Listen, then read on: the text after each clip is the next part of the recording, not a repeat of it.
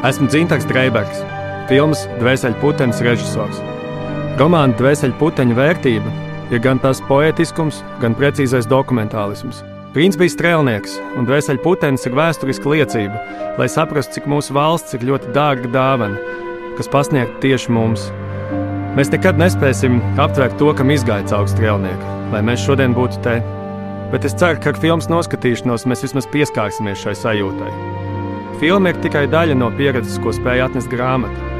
Tādēļ aicinu svētku laikā klausīties radioteātri un pirmo reizi atšķirt vai kārtējo reizi pārlasīt nozīmīgo romānu Dvēseli putenis.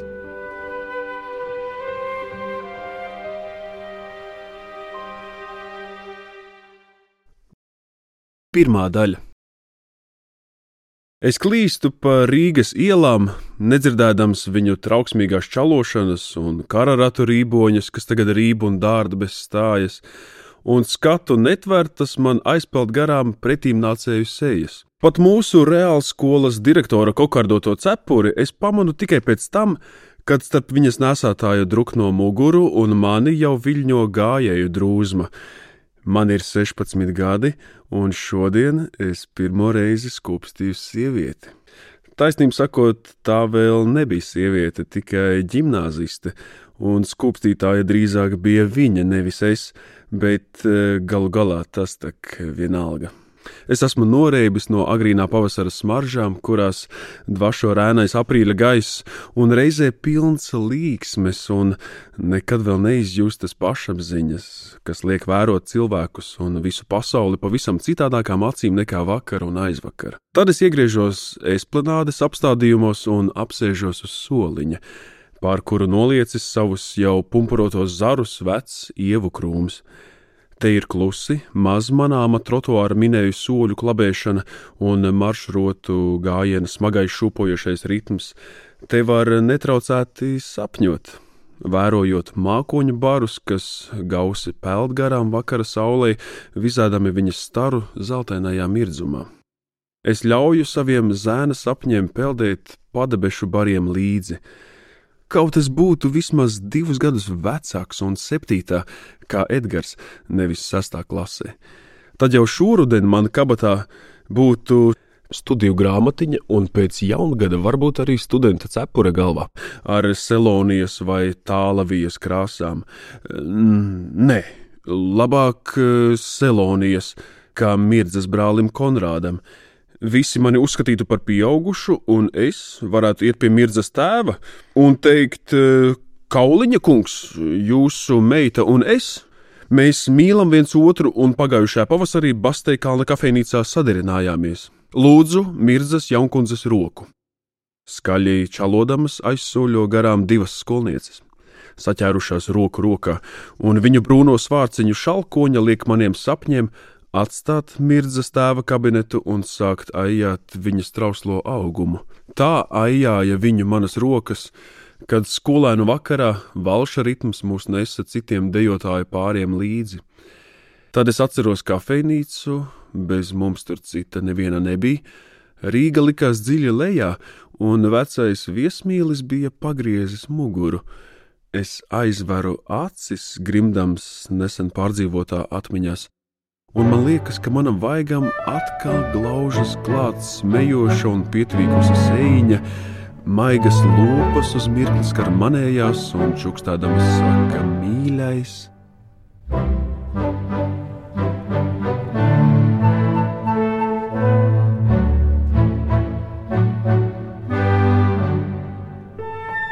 Ah, tas ir tikai ievu krūma zars kas saviem pumpuriem noglāstīja man seju. Viņš drēb un viegli šūpojas, kā nesdams nedzirdams veicienu. Es pārbaudu ar roku pār vaigu, spiežu plaukstu pie lūpām, un no viņas nāk viegla, tikko vairs nojaušama parfīma elpa.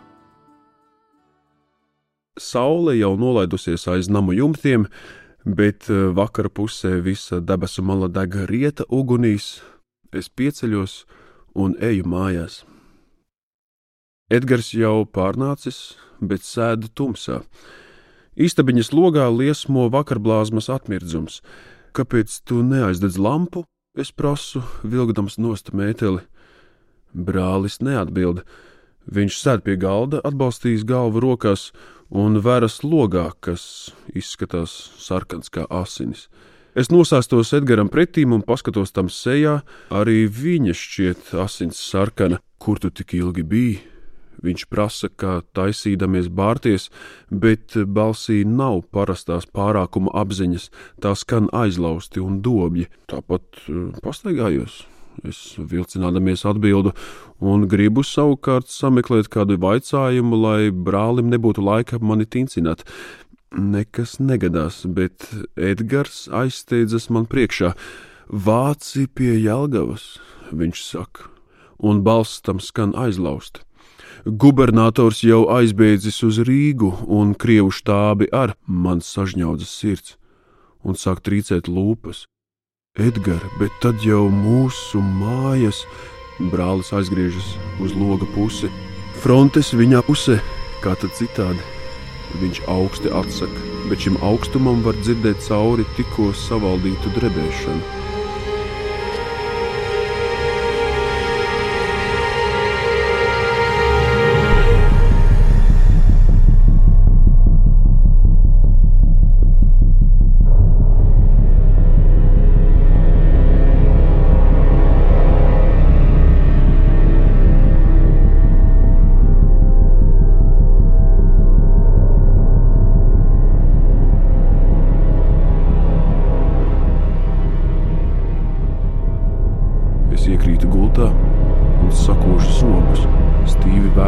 Griestos, kas gurdi balto istabiņas tumsā.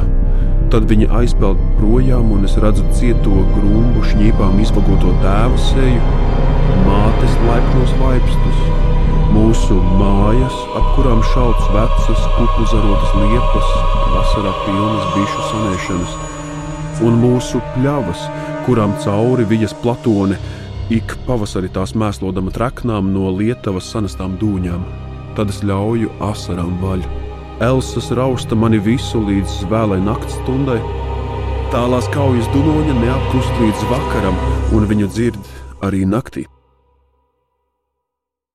Edgars staigā pa istabu, smēķēdams papirusu pēc papirusa, lāgu lāgiem viņš iet pie loga, paver lodziņu un klausīdamies skatās māju jumtos, virs kuriem zvīļo mēnesnīca.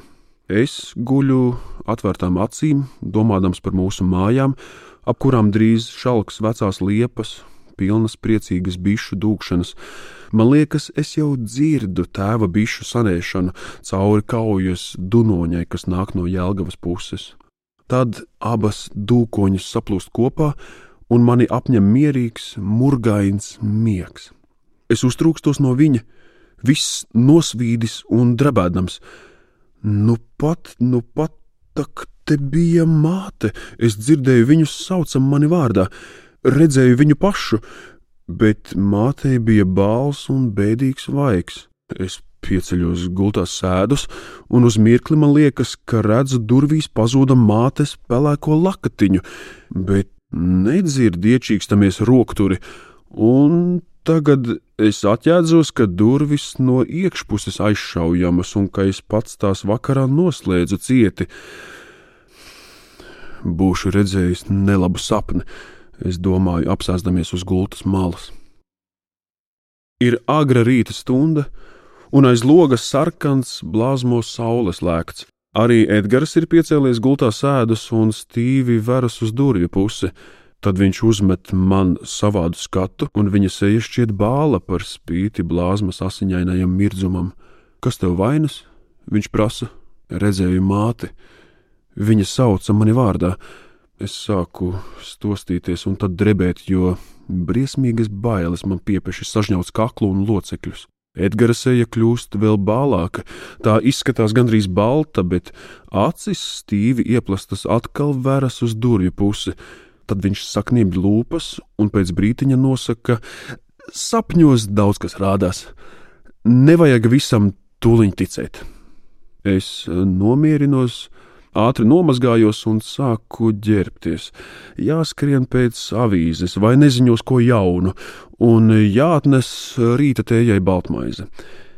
Mani trends uz ielas arī vēl kas cits. Gribas tikt ārā no mūsu istabiņas, kurā tik piepeši bija sagrābušas mani neizprotamas bailes. Šo sajūtu es cenšos apspiest ar visu varu, un beidzot man tas izdodas. Pārtikas veikala komijas stāsta, ka vāci atsviesti no Jālgavas un atkāpjoties lielā steigā, laikam nemetīšot bēgšanai mieru, kamēr neatradīšoties viņpus robežas. Vienā stiepienā es esmu augšā pa trepēm, atpakaļ mūsu istabā un steidzos pastāstīt Edgaram jauno vēsti. Viņam atplaukst seja. Brauksim vēl šodien paskatīties, kā iet vecajam pa mājām, Viņš laipni saka, sākdams mazgāties. Brauksim ar pirmo vilcienu, un tad ar kādu Jālgava žīdu laidīsim tālāk. Mēs steidzamies uz staciju, un man ir reizē līksmi un baisi ap sirdi. Kā gan mājās tagad izskatās? Mirdzu es atceros tikai vilcienā, kad tas jau sācis tusnīt uz Jālgavas pusi. Kārkliņietes stāsts izrādās mazliet pārspīlēts, jo Jelgavā vēl redz diezgan daudz veselu logu. To pašu šķiet nevar sacīt par viņas aizstāvjiem, un vecais leitis, kurš pēc obligatoriskas kaulēšanās apņemās mūs aizvest līdz mājām, stāsta par simtiem kritušu un ievainotu, kas gandrīz visi dienējuši Daugaugrīvas Latviju bataljonos. Sveikā palikušie dzenoties vāciem pakaļ, bet slimnīcas esot pārpildītas, un e, kapos jau no agra rīta strādājot racēju komandas. Mēs izbraucam ārā no pilsētas, nomales namiņu lielai daļai vēl aizslēdzoti logi, kaut gan jau klāta pusdienas laiks. Māju iemītniekus aizbaidīs projām kaujas troksnis, un viņi vēl nav paspējuši atgriezties. Važoņa zirdziņš sāk naski rikšot pa šoseju, kurai abās pusēs tagad plešas spilgti zaļi rudzu lauki un rūsgani tīrumi, kas gaida vasarāja sēklu. Padebešos sasaucas dzērvju bāri, nākdami māju no siltajām zemēm, bet vecais leitis vēl ar vienu stāsta par Jālgavas kauju, pilsētas sargātājiem un viņu likteni. Vīri kā brieži, ilgsi pārlauzīs skailām rokām, viņš saka, grozīdams galvu. Tikai tās bises gan krievu ķeizars varēja iedot labākas, un e, patronu arī pamaz bija. Varbūt par tās pašas latviešu dziesmas dziedāšanu, ejot kaujā, viņš nosaka, tad apraujas un uzšauj zirdziņam. Ko tad šie dziedāja? Edgars jautā aizņauktu kaklu. No to pašu Dievs svētīja Latviju! Skanēja visa jēlgava, baroniem svila vaigi, un man vēl tagad tās jūsu dziesmas šalka ausīs skan. Važonis nobeidz, sākdams skatīties uz dienvidiem, kur priekšā dzirdama gurda ratu rībēšana. Nu pat jau ved atkal, Leitis saka, rādīdams ar pātagu uz braucēju rindu, kas nāk ar vienu tuvāk. Tad viņš aptur zirgu un noņem cepuri. Noņemam arī mēs. Braucēji ir šķūtnieki, sadzīti no svētes, garozas un bramberģes, veci vīri sirmiem deniņiem un drūmiem vaipstiem. Tie brauc lēni, jo vedamiem nav kur steigties. Stundu agrāk vai vēlāk šodien viņus tā kā tā apņems kapu smilts. Citos ratos guļ divi, citos trīs, apsakti veciem, nodriskātiem karavīru mēteļiem, kas apsviluši naktīs guļot pie ugunskuriem, aplipuši māliem un ložus aplosīti. Kādā platā bezredeļu orē guļ viens otram blakus veseli četri. Orei kratoties, Šineļa stūris ir atslīdējis vaļā un var redzēt spurotās ūsas un e, pelnpelēku bargu veca rezervista seju, kas spītīgi sacirsta uz augšu un e, izdzisušām acīm veras debesu zilgmē, kur jautri vīteņo cīruļi saugdami arājus tīrumā. Dieviņš viens zina, kas tagad ars tavu tīrumu, tu debes māju ceļinieki, klusi saka vecais leitis un tad viņam uznāk klepu slēkme, kurai beidzoties tas noslauka ūsas un acis. Man sāk drebēt lūpas, un, negribēdams, ka Edgars to pamanītu, es novēršos sānis, sākdams vērot zaļo rudzu lauku, kurā ganās aitu pulciņš. Gans, tērpies kankarainos tēva svārkos, ir pienācis ceļa malā un vēro braucēju rindu un mēmos pasažierus, kuriem vairs nav kur steigties.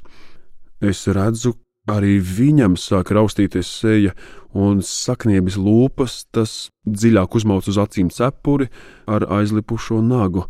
Arī viņa tēvs ir aizgājis karā, Varbūt kādā frontes malā arī tas jau kļuvis debesmāju ceļinieks.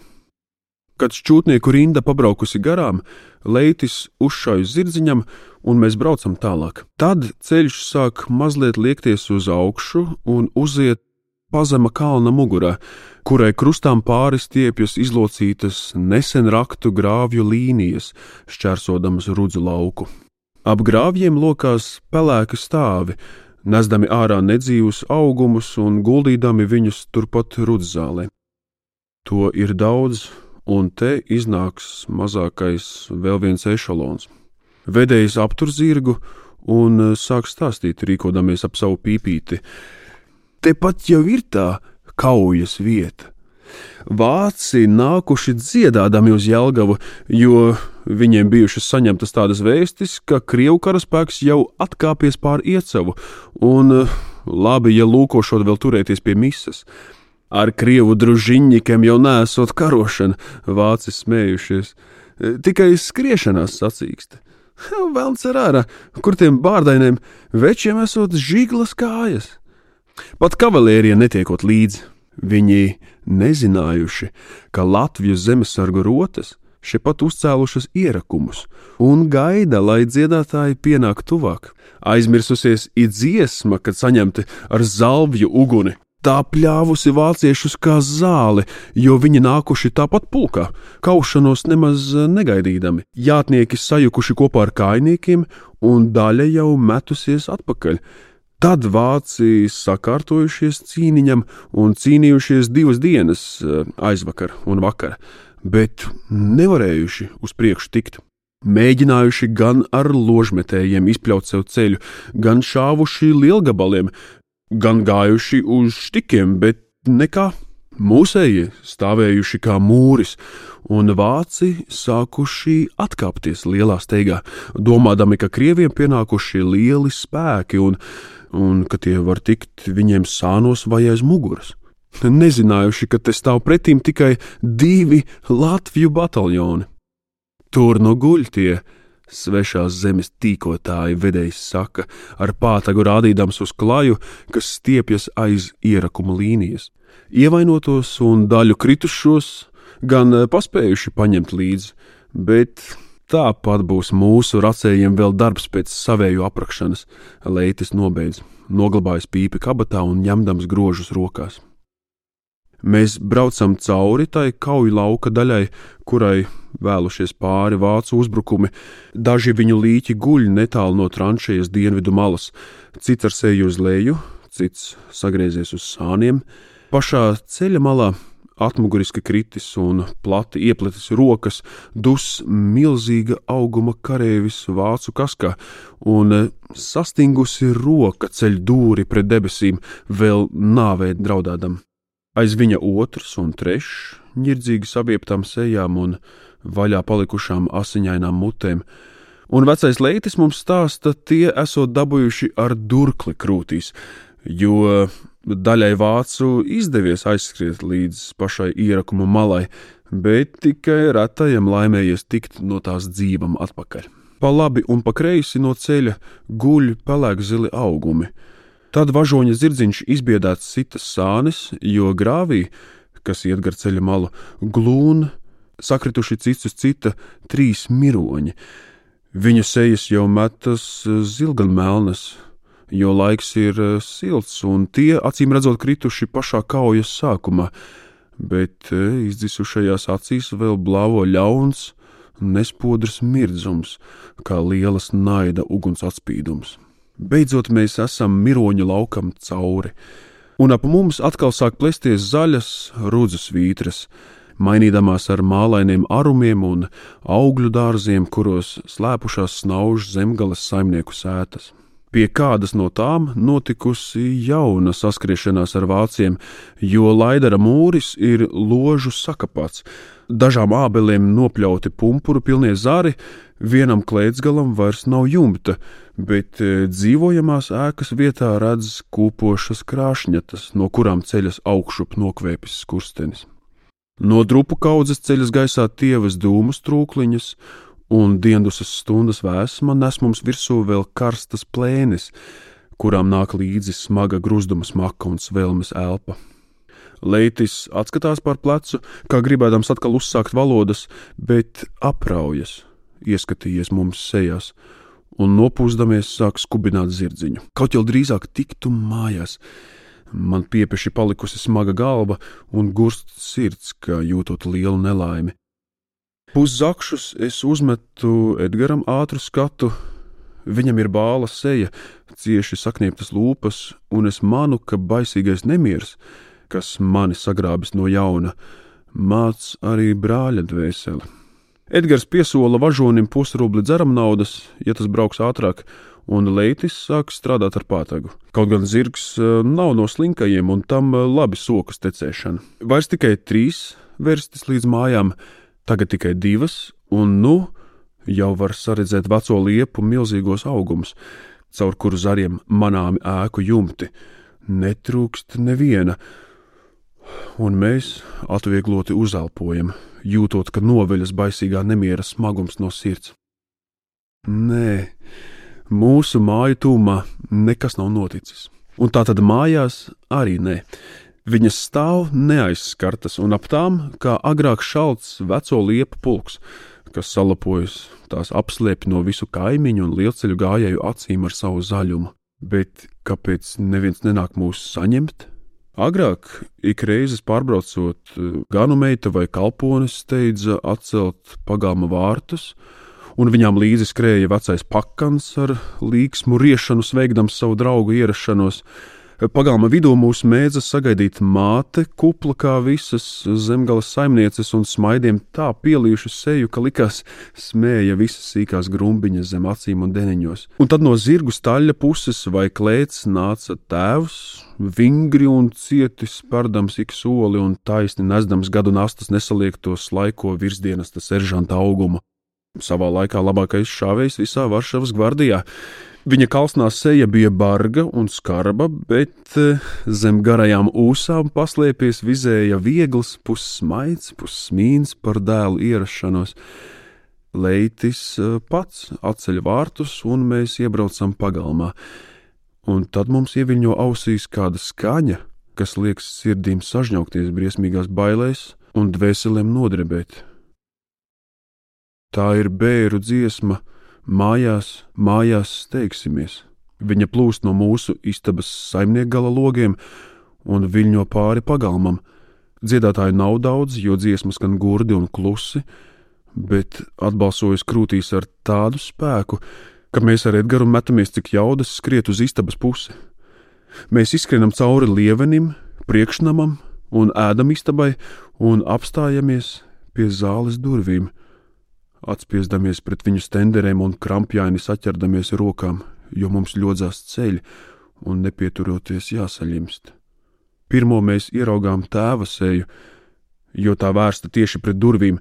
Viņa ir pelēka bāla un sveču ugunis, kas vīļo zem viņas, met tēva sejai pāri vaska dzeltenu atspīdumu. Tēva seja ir bāla, bet cieta un skarba kā ar vienu tikai acu plakstiņi mazliet sarkanāki un melnās ūsas, kurās vīz vecuma sārma, nokarājas lejup, gandrīz aizskardamas dziesmu grāmatu, ko tēvs tur rokās, ar savu balsi vadīdams dziesmas melodiju, jo saimes ļaudis, kas nostājušies no tēva pa labi un pa kreisi un pie pašām durvīm, ir gandrīz visi leiši un luterāņu dziesmas nedzieda. Viņi stāv nodurtām galvām, salikuši rokas, bet lūpas kustas tikai vecajai Edei un uh, Jurītim, kuram tēvs dod žēlastības maizi kā vecam kalpam, kas visu mūžu nodzīvojis mūsu mājās un jau vectēvam kalpojis. Mūsu skati klīst pa istabu, apstaigādami mainieku sejas, maldās no vienas pie otras, meklē un mēmē vaicā, bet mātes nav nekur. Tad viņa atgriežas pie balpalākās tēva pieres, pilni izmisuma baiļu, un tēva asiņu balss mūsējai atsaucas.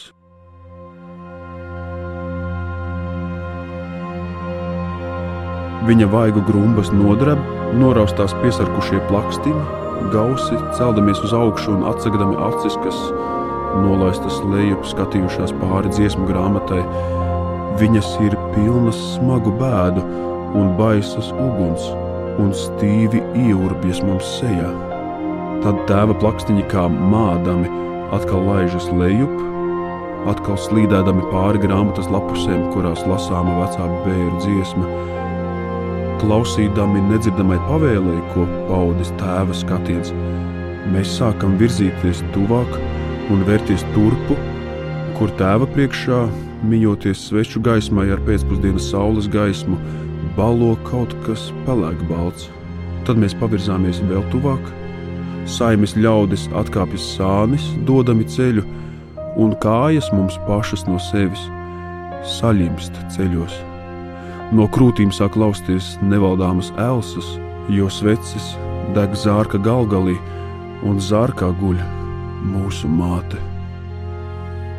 Tērpta melnajās svētku drānās, uz krūtīm saliktām rokām un viņās iespiestu mutautiņu.